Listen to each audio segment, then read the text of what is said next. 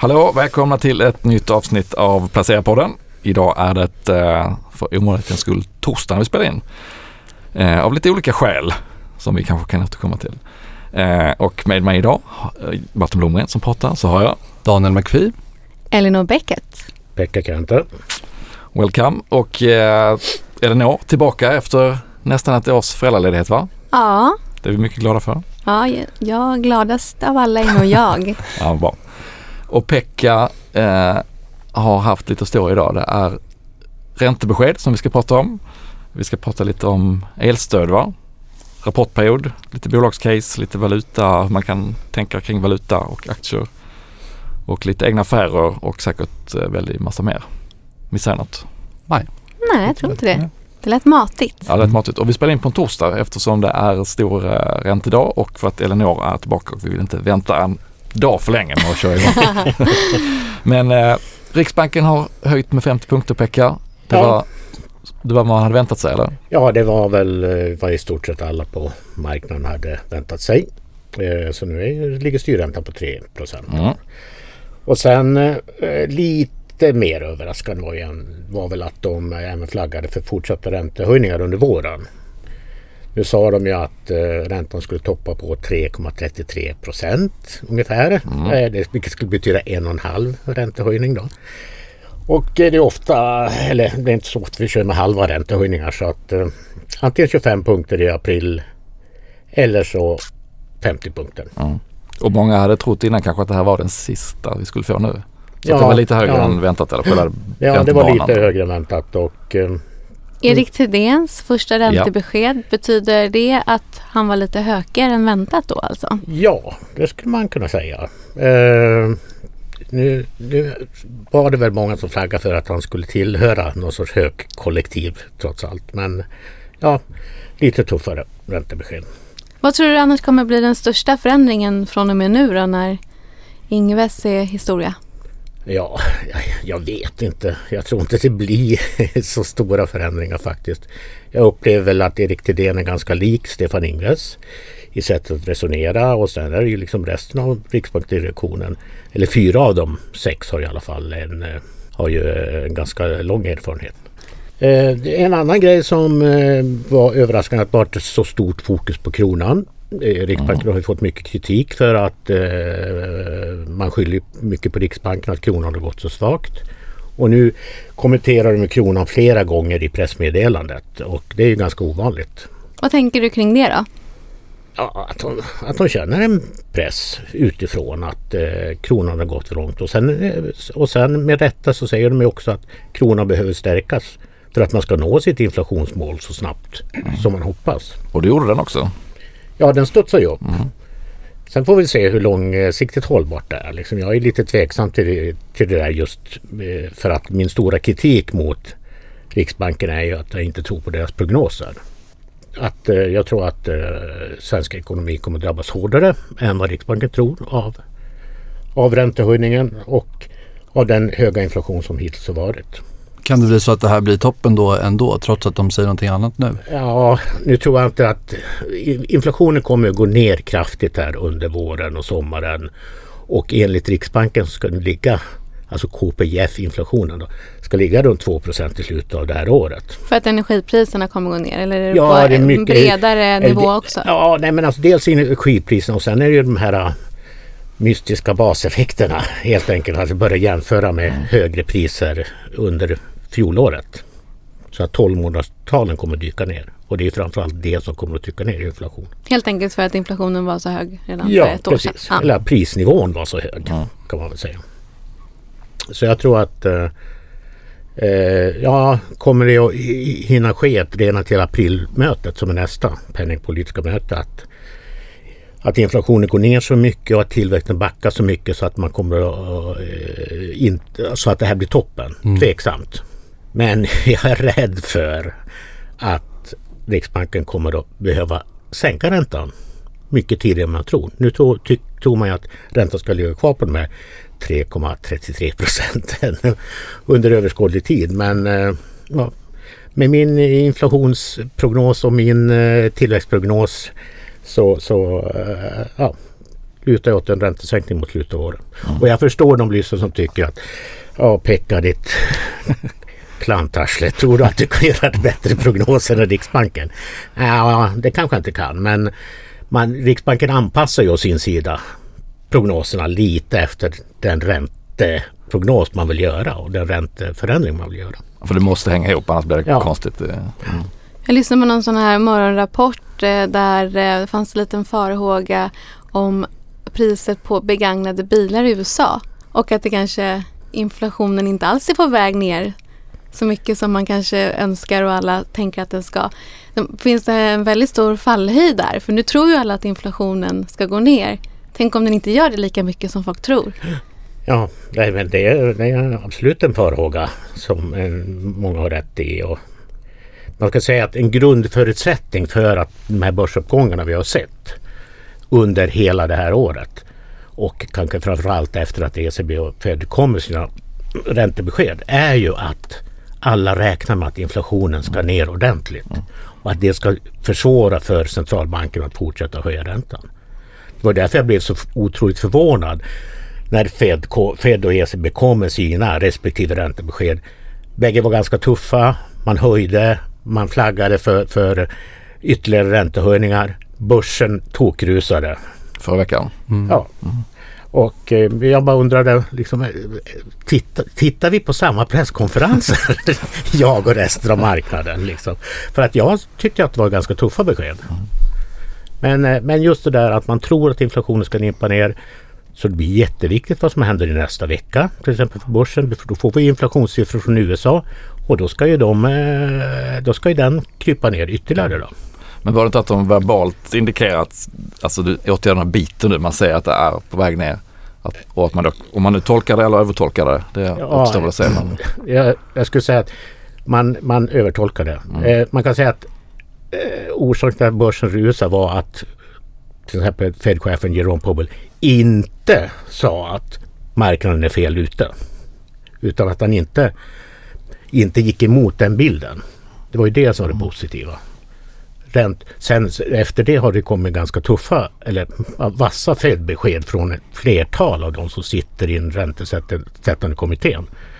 Så att, eh, ja, och då har ju börsen gått betydligt mycket svagare. Mm. Men det tycker jag att man borde ha tagit fasta på redan när Powell var ute och pratade. Så nästa vecka kan bli en rysare alltså? Ja, det tror jag. Men, du, innan vi släpper... men eller rysare, bägge håll givetvis. Ja. Liksom. Innan vi släpper Riksbanken ett Visst var det lite nya besked när det gäller deras obligationshantering också? Yes, eh, de ska börja sälja obligationer för 3,5 miljarder i månaden från och med april. Liten paus i som, eh, under sommaren men så ska de fortsätta. Dessutom ska de eh, ha större liksom, aktioner eller riksbankscertifikat. Och det de vill då är ju att dels att få fart på den svenska liksom, eh, räntemarknaden eller obligationsmarknaden. Locka till sig utländskt kapital som ska, få, som ska göra så att kronan stärks ytterligare. Dessutom bidrar, ska det ju teoretiskt i alla fall bidra till att de långa marknadsräntorna rör sig uppåt. Så mm. att det är ytterligare en åtstramande effekt. Och eh, ja, återigen, det var kronan, mycket fokus på kronan. Inte så mycket på själva presskonferensen som det var i själva pressmeddelandet. Okej, okay, men tydligt att det är där de har eh, växlat fokus mot valutan mer än tidigare? Ja. Sant. Sen får vi se om det är en game changer för, för kronan i stort. Eh, lite tveksamt men... Ja. Men du Elinor, du gick runt och fiskade lite på redaktionen här innan just när det gäller valutarörelser och kanske mer kopplat till hur man tänker med aktier och, och bolag. Ja, Precis, eh, det handlade ju då mycket om eh, den egna, det egna sparandet och utifrån ett privatekonomiskt perspektiv hur man ska tänka när det kommer till sin egen portfölj och valutarisken. Eh, det mesta kokar ju ner i att, att den där valutarisken kanske man inte ska fundera så mycket på. Det kanske mer Okej, okay, liksom jag vet ju bara vad jag själv svarar. Jag har inte sett vad de andra svarar. Nej, men det är, men det är väl hyfsat. Alla har ju sina olika liksom sätt att se på det, absolut. Men eh, det kokar ändå ner i att eh, det jämnar ut sig över tid. Mm. Och eh, en som inte var med i enkäten var ju faktiskt Pekka. Så jag tänkte passa på att fråga, hur gör du själv med dina aktier och fonder? Känns det jättekul att köpa euroaktier nu till exempel? Nej men alltså jag, jag, eh, jag, jag, jag tänker nästan ingenting på valutan. Jag tycker det är alldeles för komplicerat när man ska köpa aktier att även väga in det liksom. Sen är det klart att jag vet att på sista raden så kanske Volvo gör lite högre vinst om kronan är svag. Men då ska man liksom också göra en prognos på vad kronan står på om ett år om man är hyfsat långsiktig i sina investeringar. Och det är typ det svåraste man kan göra? Ja. ja. Så äh, det är, jag kommer helt enkelt fram till att det är det här tråkiga som när man bevakar privatekonomi att man ska månadsspara och vara långsiktig. Då kan man strunta i det helt enkelt. Mm. Men äh, det är ändå, om det nu skulle vara så att vi går tillbaka, vad blir det, en, äh, inte ens tio år tillbaka i tiden. allt annat lika så går en USA-fond ner 40 procent. Mm. Och det tror jag skulle svida oerhört mycket i folks portföljer. Så eh, det är ändå någonting som man ändå ska veta finns där. Absolut, och om, om en valutakurs är på någon slags historisk jättetopp eller botten då kanske man ska vara lite extra försiktig. Och det var väl det eh, vissa då i den här enkäten också faktiskt tog lite hänsyn till. Mm. När vi befinner oss på sådana här extremnivåer så kanske man ska liksom tänka lite på just tajmingen. Och det sa jag nog inte i din enkät där men jag brukar tänka om man ska köpa en utdelningsaktie om den är i en annan valuta. Alltså om man köper någonting för att få 3 eller 4 procents direktavkastning och valutan kan svänga lika mycket på en dag då det kanske inte är just utdelningsaktier som man ska fokusera på om man ska köpa Ja, men det är också valutor. en annan, eller precis som att den, eh, nu är ju nästan alla räntefonder valutahedgade, men det är ju samma sak där och det var ju också du inne på mm. Daniel, att när det kommer till de här lite mer lågavkastande produkterna, då kan ju det såklart har en jättestor påverkan som gör att den där avkastningen som man är ute efter, den spelar liksom ingen roll överhuvudtaget. Nej, det är valutan Så, som är avkastningen. Ja, man är lite, har lite korta investeringshorisont eller lite defensivare tillgångar mm. än aktier. Sen är det ju svårt, lite som Pekka är inne på, även om du vill ta hänsyn till det så nästa fråga är okej, okay, hur kommer det röra sig? Och där har man oftast ja. ingen aning. Så det är inte så mycket att ta hänsyn till kanske. Nej. Men mer att vara medveten om det. Och sen så klart att det finns vissa bolag som är oerhört eh, beroende av det. Men är de det så kanske de ändå är hedgade på något vis. Mm. Eh, men eh, eh det får man ju också se på den liksom bolagsspecifika analysen. Eh, om det är någonting som man ska ta hänsyn till där. Ja, ja men, nej, men det är som sagt var det är inte bara det att vi inte vet riktigt vad valutorna ska gå. Vi vet ju inte hur bolagen i sig har hedgat sig. Nej. Eh, så det är ytterligare en faktor att ta hänsyn till. Mm. Eller så, som är väldigt svår att ta hänsyn till. Mm. Förlåt mig. Mm. Nej, men också lite som vissa var inne på också. Det var att den svenska kronan på något sätt har en, det blir en kudde när det går dåligt. Att den liksom, eh, förstärks och försvagas i, liksom, i, ja, tvärt emot konjunkturen. Mm. Men eh, jag intervjuade Maria Lanneborn och jag tycker liksom, faktiskt kan jag hålla med om det där att det där har liksom tagits ur spel lite de senaste åren. Att det, inte, det sambandet stämmer inte riktigt lika bra längre. Så det kan man ju kanske ha med sig då om något. Mm.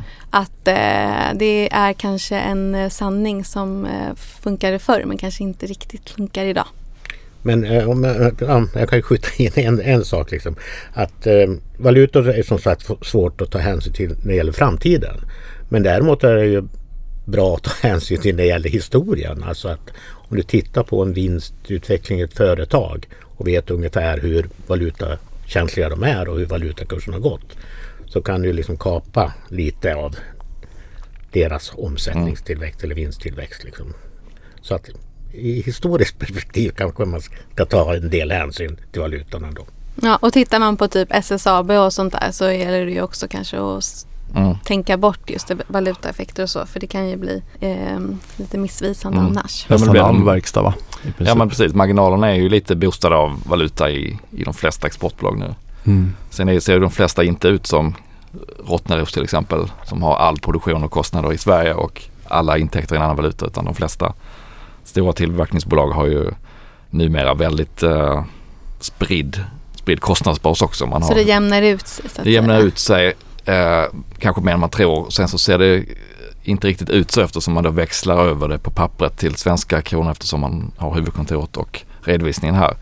Men i den operativa, liksom, där kostnaderna och intäkterna ska matchas i samma valuta så spelar det inte så stor roll. Så att eh, lite onödigt mycket fokus på det ibland tror jag. Även om det kan se mycket ut av tillfället. Men det är väl som ofta då det är svängningarna i sig som är svåra att hantera. Är nivån pl- eh, plan så är det inte så himla svårt att hantera för de flesta bolag utan det är när det rör sig snabbt som det är svårast. Men det kan också vara en diversifieringseffekt kan jag tycka i en, i en portfölj. Så att jag menar, om vi ser förra året så var det många som hade amerikanska innehav till exempel. Eller euro för den delen så fick man ändå ett ganska bra skydd.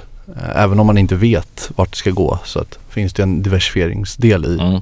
den delen. Ja men det har ju varit en kudde som sagt för många med att dollarn har varit så stark nu i, under 2022 som varit tufft börsår. Ja, man kan ju tänka sig en amerikansk investerare som var, var investerad i Sverige under fjolåret. Mm. Vilken katastrof det var för dem. Ja, de måste ha tappat 40-50% nästan. Svenska De kanske, fastigheter. inte, Mm. mm. de kanske tänker sig för en, en gång extra Ja. innan de köper svenska aktier nästa gång. Ja, men vi är inte, det är inte bara Riksbanken som har varit ute i veckan utan det är massor med rapporter och bland de stora så kan man väl nästan säga att rapportperioden är över efter den här veckan. Åtminstone på OMXS, OMXS 30-bolagen. Där har i princip alla då utom det är väl Sinch och SBB och Nibe kvar tror jag bara. Annars tror jag alla har rapporterat och bilden är väl ungefär som det var när, vi, när jag var med senast i alla fall. Då hade precis rapportperioden börjat att det är, ser okej ut väl. Ungefär hälften har slått vinstprognoserna vilket är lägre än vad det brukar vara. Så att det är liksom okej med dragning neråt skulle jag säga. Men det viktiga är väl att ingen av de tunga har då klappat ihop. Att intäkterna i verkstad har ändå hållit uppe. Alla storbankerna har varit ganska bra. Även om Handelsbanken fick lite stryk på sin rapport. Rapporten har ju inte, de har inte hindrat den här börsuppgången men de, de har väl inte heller drivit på den kanske utan det är väl mer makrot och värderingsfrågan som har fått börsen att gå. Är det någon sektor som har liksom stuckit ut? Ja, Jag tycker det är inte riktigt det alltså utan inom industri och cykliskt har det varit lite blandat. Vissa har varit lite bättre, vissa lite sämre men det är inga sådana här jätteavvikelser som man, som man säger att det kraschar liksom att, att nu viker orderingången för alla eller att nu, nu tar det fart igen utan hyfsat små avvikelser från förväntningarna ändå. Eh, och bankerna som väntar att då räntenettot tar i fart när, när räntorna går upp. Eh, det är väl mer bland de kanske små och mellanstora bolagen som kommer rapporten nu lite senare. Där man ser väldigt stora rörelser i många fall och, och inte helt oväntat heller. De har ju svårare att parera när det svänger snabbt. Ja, vi såg ju Munters idag var väl ner nästan Ja. 20% tror jag va? Och som har varit en av de stora vinnarna och en darling i, Mm. i den sektorn ett tag. Och eh, Nolato tittar jag lite på, det kom en rapport igår, de var också ner 17-18 procent då på eh, marginalpress. Så att det är väl tuffare för dem lite mindre att hantera de här kostnadsökningarna och även en, en mindre smäll kan bli ganska stor på totalen i ett litet bolag. Eh, så det, det kommer säkert se mer av nu när vi kommer liksom till svansen av rapportperioden här nästa vecka med lite mindre bolag. Men eh, alltså, alltså sticker ut, jag en sak som jag tycker sticker ut lite på utdelningsfrågan där, två bolag, både Electrolux och Byggmax, din lilla baby Pekka, drog in utdelningen helt. Konsument. Ja, det är precis. Dels deras exponering, att de har ju det jättetufft och det säger ju någonting om hur osäkra de är på hela det här året då. Men det är också två bolag som i, i båda de här fallen hade ga- ganska hög ordinarie utdelning tidigare. Men som också gjorde återköp ganska nyligen. Och det visar väl återigen att de bolag som inte har en löpande strategi för aktieåterköp tenderar ju att göra den vid fel tillfälle när de har lite för mycket pengar. Då köper man aktien på topp och sen hade man kunnat använda det kapitalet bättre kanske genom att göra det över mer tid eller dela ut pengarna eller vara lite mer taktisk. Inte känna att du bränner i fickan och köpa tillbaka då. Så lite, mm, lite intressant. Och yt, ytterligare ett bevis på att det ofta blir sådär att när väldigt många har återköpsprogram på, på gång så är man kanske nära någon slags intjäningstopp. Men det känns ändå som när vi var i Q3 att alla pratade om att redan Q4 då ska bli ett stort problem och att det är då de faktiskt riktiga effekterna syns i räntehöjningar och att industrin bromsar in Mm. och så. Men det känns inte riktigt utifrån det du säger att det är det vi har sett. Nej, jag tycker man rullade framåt. Det är lite samma budskap att ja, vi läser också tidningarna, säger väldigt många vd. Vi ser också att makro är tuffare, att konsumenterna är tuffare men vi ser inte så mycket av det i vår egen verksamhet. Men vi ställer in oss på att det kommer bli det. Så att vi får väl se om det blir samma visa ett kvartal till men, men alla är åtminstone väldigt förberedda sen ett år tillbaka, det får man ju säga. Mm. Får jag fli- flika in med en fråga där på tema konsument? Eh, jag tänker på det här elstödet som kommer nu snart. Eh, elstöd 1 som det kallas för. Eh, från 20 februari de närmaste dagarna. Kommer det liksom märkas på en makronivå? Det är ändå otroligt mycket pengar som ska ut till väldigt många människor. Ja, jag tror det kommer eh, absolut att märkas på marginalen. Men jag tror att många har, har ju det väldigt kämpigt med de elräkningar som har tickat in precis nu och som kommer. Eh, alltså januari och februari. Så att det, risken är ju att det drunknar i de elräkningarna. Liksom. Att det kommer att användas för att Det betala. kommer allt tillbaka till Ja. elbolagen Ja, igen. precis. Jag tror att den risken är överhängande. Jag kan ju passa på att säga att man ska anmäla sitt konto till Swedbanks aviregister. Senast 13 februari om man vill, inte vill vänta onödigt länge på pengarna. Vad blir det? Måndag? Sista dag? Eh, oj, vilka svåra 13. frågor istället. 10, 11, 12. Ja, måndag. Måndag. Mm. Mm. Det har Bra. jag gjort. Ja, Ja, bra. ja, men, ja, men det borde ha en mental effekt om inte annat. Även om det äts upp av det man har lagt ut innan. Att känslan av att nu är den här vintern som alla har bävat för på väg att ta slut. Man går, är på väg in i mars och man får de här pengarna. Så att kanske att konsumenten då kan eh, kvickna till lite. Jag tror mer på elstöd 2 som konsumenthjälp. Ja. När, Ja. när, när vi nu får det. Det vet och- vi inte nej. när vi får. Vi vet hur mycket vi får men vi Det vet inte kan när. däremot boosta liksom. Mm. För, som sagt jag tror att elräkningarna har varit så pass höga i januari, eller december, januari, februari liksom. Att, att eh, mm, mycket av pengarna går dit från elstöd 1. Mm. Elstöd 2 kommer lagom till semestern hoppas vi. Och hela landet till godo också. ja. Men eh, bolagscase då? Daniel, jag vet, du har kollat Ja. på. AAK va? Exakt. Fett. Fetttillverkare. Fettbjässen. Precis. Nej, men de jobbar ju med växtbaserade oljor Ja. eh, som de, ers- de ersätter då egentligen andra ingredienser som mjölkfett och kakaosmör. Och anledningen till att man lägger till de här ingredienserna är för att öka hållbarheten på produkterna, öka smakerna eh, och förbättra konsistens. Så det är alltså till livsmedelsindustrin. Men även till till exempel hår, hårvård och kosmetika. Är det rapsolja då eller? Ja, palmolja, Oj, raps, det låter inget bra. Nej, det finns ju en del tveksamheter kring deras eh, produktioner. Eh, har det gjort det? Det har funnits diskussioner kring det eftersom att de skövlar.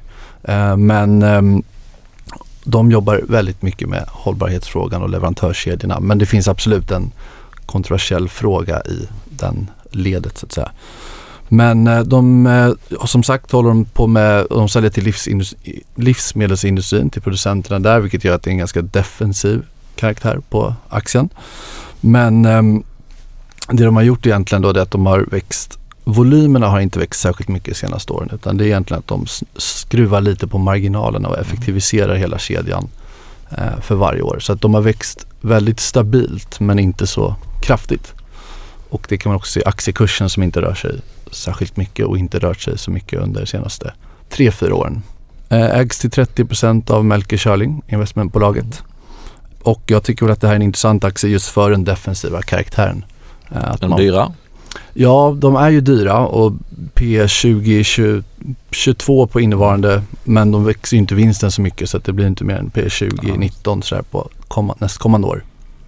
Men eh, det är ju för att man betalar egentligen för stabiliteten då. Mm. Men det här är ju ingen, någonting man ska äga väldigt länge om man ska äga det. Just för att de skruvar egentligen bara på marginalerna lite grann varje år. Det är inget så att man kan ju inte förvänta sig någon kraftig volymtillväxt och inte heller då någon multipel expansion kommande åren. Nej.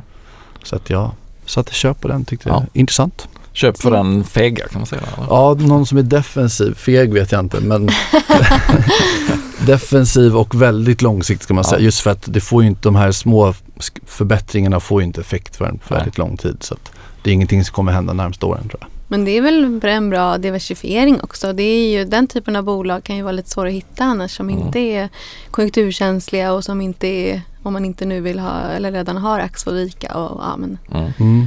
så. Nej precis, så att Axfood är väl ett, just ett sånt exempel med stabilitet som också är väldigt dyr. Mm. Eh, den delar ut lite mer. Direktavkastningen på AK är bara 1,5 procent så att det är ingen utdelningsaktie så men eh, samma industri. Så hur klarar de sig förra året med tanke på all livsmedelsinflation och Ja, de har faktiskt Sådär. klarat sig ganska bra. De hade lite problem med råvarorna i, eh, som gick in i produk- produktionen så att säga. Men de jobbar också med så olika certifikat och sådana delar. Mm. Men kassaflödet påverkades lite under förra året så det blev lite försämrat. Men det har nu kommit ner ganska mycket.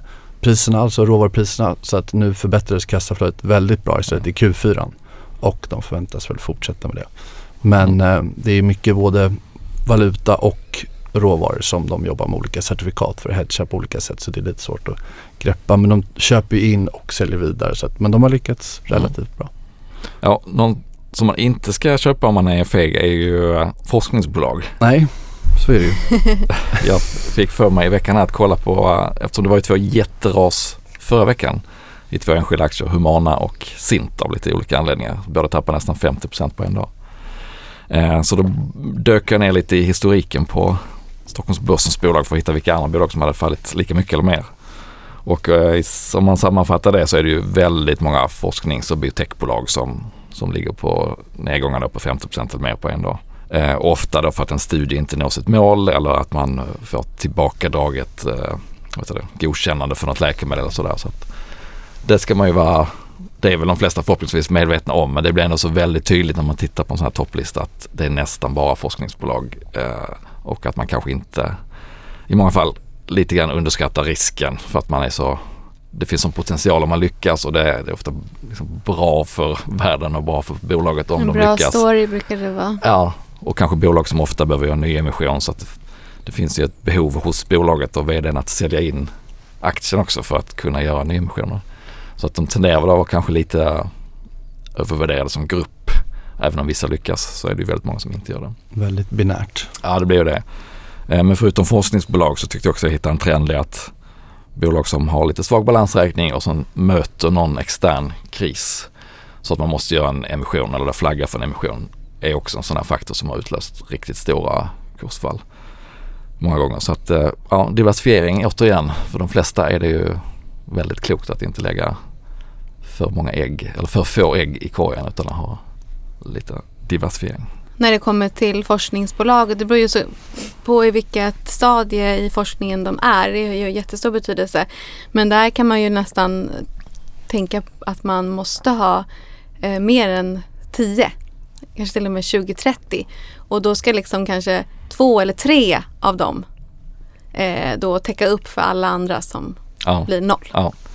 Så det är Nej. kanske inte någonting man ska pyssla med överhuvudtaget. Om är Nej, för min egen del så har jag nog hållit mig borta nästan helt från den här sektorn. Jag har kanske varit inne någon gång för något som har låtit väldigt spännande men i alla fall en väldigt liten del av portföljen. Så jag kan förstå att man tycker det är spännande men uh, beware. Man kan ju också köpa ett större bolag som Astra till exempel som har massa olika, Exakt. Eller en fond. eller en fond. Mm. Mm. Så att, Till och med läkemedelsfonderna håller ju sig ofta, nästan alltid Mm. borta från de där. jo, Så det, och det kan ju ändå säga någonting för den som sitter och förvaltar en läkemedelsfond har ofta en ganska hög utbildning inom just eh, medicin. Mm. Och ändå så håller de sig borta. Så det, bara det borde vara avskräckande nog. Det är som valutan, det är liksom det, man får fel hur man än gör nästan.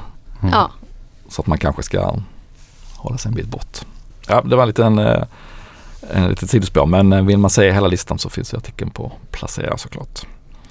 Hur, eh, vad har ni själva gjort då? Då får du berätta vad du gjort under hela året här. nej, det, nej, det tänker jag inte göra. Eh, men har du varit aktiv eller eh, passiv? Nej, jag har inte lite- varit så aktiv faktiskt. Eh, det har jag inte. Nej, aktiv med annat Jag kanske får, än just återkomma, ja, jag, får, jag får återkomma eh, i frågan framöver tror jag. Mm. Mm. Daniel då? ja, jag har faktiskt gjort en affär idag. Eh, Ja. Mips som kom med rapport eh, som inte var så bra men aktien gick upp. Ja, nu, då var den upp kanske 10 Nu tror jag den var upp 13-14% För Men- den som tycker att det var en lite annorlunda rörelse, vad är din teori då? Ja, den är ju väldigt blankad. Det är börsens mest blankade aktie. Den var, tror jag, 16-17% av kapitalet som är blankat. Eh, så att när den eh, öppnade upp där så öppnade den väl upp, tror jag, jag tror den öppnade ner 6-7% när börsen öppnade. Och gick ganska snabbt uppåt istället då. Så att det är förmodligen då eh, folk som är, eller investerare som har blankat som köper tillbaks sina aktier. Av dig? Av mig, exakt. Sålde du eh, allt? Nej, jag sålde inte allt. Det ska jag säga. Jag sålde Nej. en del. Eh, så att, ehm, också för att minska exponeringen lite. Det var ju en rapport som man får säga, den var ju absolut inte bra. Den försäljningen ner 50% på fjärde kvartalet och vinsten var väl ner 80. Men fortfarande lönsamma. Mm. Eh, och de är ju väldigt kapitallätta. De har visat sig vara rätt skalbara. De höjde utdelningen va? Ja exakt. De delar ju ut, de har 530 miljoner i kassan tror jag såg. Och delar ut 130 så det är en väldigt stor del av årets vinst. Jag tror att det var 80 procent ungefär av årets vinst. Men eh, just för att de har väldigt mycket i kassan så delar de ut det. Men eh, ja, nej så att jag har en del kvar så får vi se. Men eh, uppenbart att de inte riktigt fått igenom det här säkerhetsaffärsdelen som är inom Nej. säkerhet som ska ge tillväxt sen och att eh, folk köper mindre cykelhjälmar helt plötsligt. Mm. Vilket man kan förstå kanske. Men eh, Men du tog se. hem lite vinst då tog eller? hem, ja det, det har jag hållit på att handla runt den där men nu var den position jag har idag ligger lite back på till och med. Så att jag tog ner exponeringen får jag säga. Pekka då? Nej, jag, jag kan ju rapportera att det ligger kvar med min blankning. Just det, du, precis. Du köpte Jag blev ju lite kallsvettig förra veckan när alla svenska investerare helt plötsligt fick feeling Ja, efter ECBs räntebesked och skickade upp börsen 4 procent. rostade dig direkt alltså. Va? De rostade Ja, dig direkt. precis. Men den ligger kvar. Ja, Eh, sen eh, precis som jag tänker att jag nästan alltid gör så går jag och väntar på nästa makrosiffra som betyder mycket. Då. Och då är det inflationssiffran från USA i nästa vecka. Jag tittade bland annat på utifrån jag tittade på löneökningstakten i, i USA så där väldigt långt tillbaka. Atlanta Fed har ju en eh, medianlönemätning som går i alla fall tillbaka till början av 80-talet. Och då konstaterar jag att löneökningstakten, även fast den har dämpats lite, ligger över 80-talsnivån idag och eh, fortfarande väldigt många procentenheter som du måste ner innan Fed kan vara nöjda. Så att det kanske ligger någonting i det där med att man ska vara lite rädd för amerikansk inflation. Att kärninflationen inte letar sig ner som man kanske tror. Vi får se nästa vecka. Men sen är det väl dags att antingen bygga på eller avsluta den blankningspositionen. Jaha, ja, vad har jag gjort då? Eh, jag har gjort en affär. Jag har sålt det lilla bolaget Ovzon. Som är ja, precis, satellitdataoperatör. Eh, det är ju lite förhoppningsbolagskänsla över det här. De har ju verksamhet, de hyr in sig på andras satelliter och eh, driftar då som, som en ja, mobil och dataoperatör till kunder som behöver väldigt, eh, behöver ska man säga, strömmar på väldigt eh, udda platser. Så det är mycket militärer och brandkårer och sånt där som är kunder. Men hur som helst, de har en egen satellit som de ska skjuta upp. Det är det som är hela caset. Så De, då blir det en helt annan lönsamhet. Men den här raketjäveln står, står kvar på marken. Försenas. Ja, och försenas om och om igen. Eh, och senaste budet nu då att de ska byta, byta den, ska man säga, leverantören av uppskjutningen till SpaceX Okej. Från Maxar. Och det är förenat med massa extra kostnader. Så att, eh, ja, jag tröttnar lite på det här. Det är en, en väldigt liten del av portföljen. Knappt märkbart om det skulle gå upp eller ner mer. Så att jag drog stoppen där och sålde Men den det var inte med på din sån här lista med största rörelser att det beskedet gjorde en nej, extrem då, nej, rörelse? Nej. nej. Nej, och de tog in pe- pengar i en riktad emission eh, inte så långt under. Den gick väl ner en 14-15 procent om jag inte minns fel. Och de har gått rätt bra innan. Så att eh, jag gör en förlust på den alltså. Men ja, ja river plåstret. Tackar för, tackar för förlusten. Ja, det var jag gjort. Annars, eh, nej, annars inget. Bra, men då ska vi önska, då ska vi inte önska trevlig helg utan trevlig eh, fredag då, då Trevligt. Ja, det får vi göra. och torsdag kväll. Vad hette den Beroende på när ni lyssnar. serien som gick? Häftig fredag? Fräcka fredag. Fräcka Fräcka fredag. Ja, för er som minns den alltså. eh, tack för att ni har lyssnat. Hej! Hej, Tack, hej. hej. Hej då!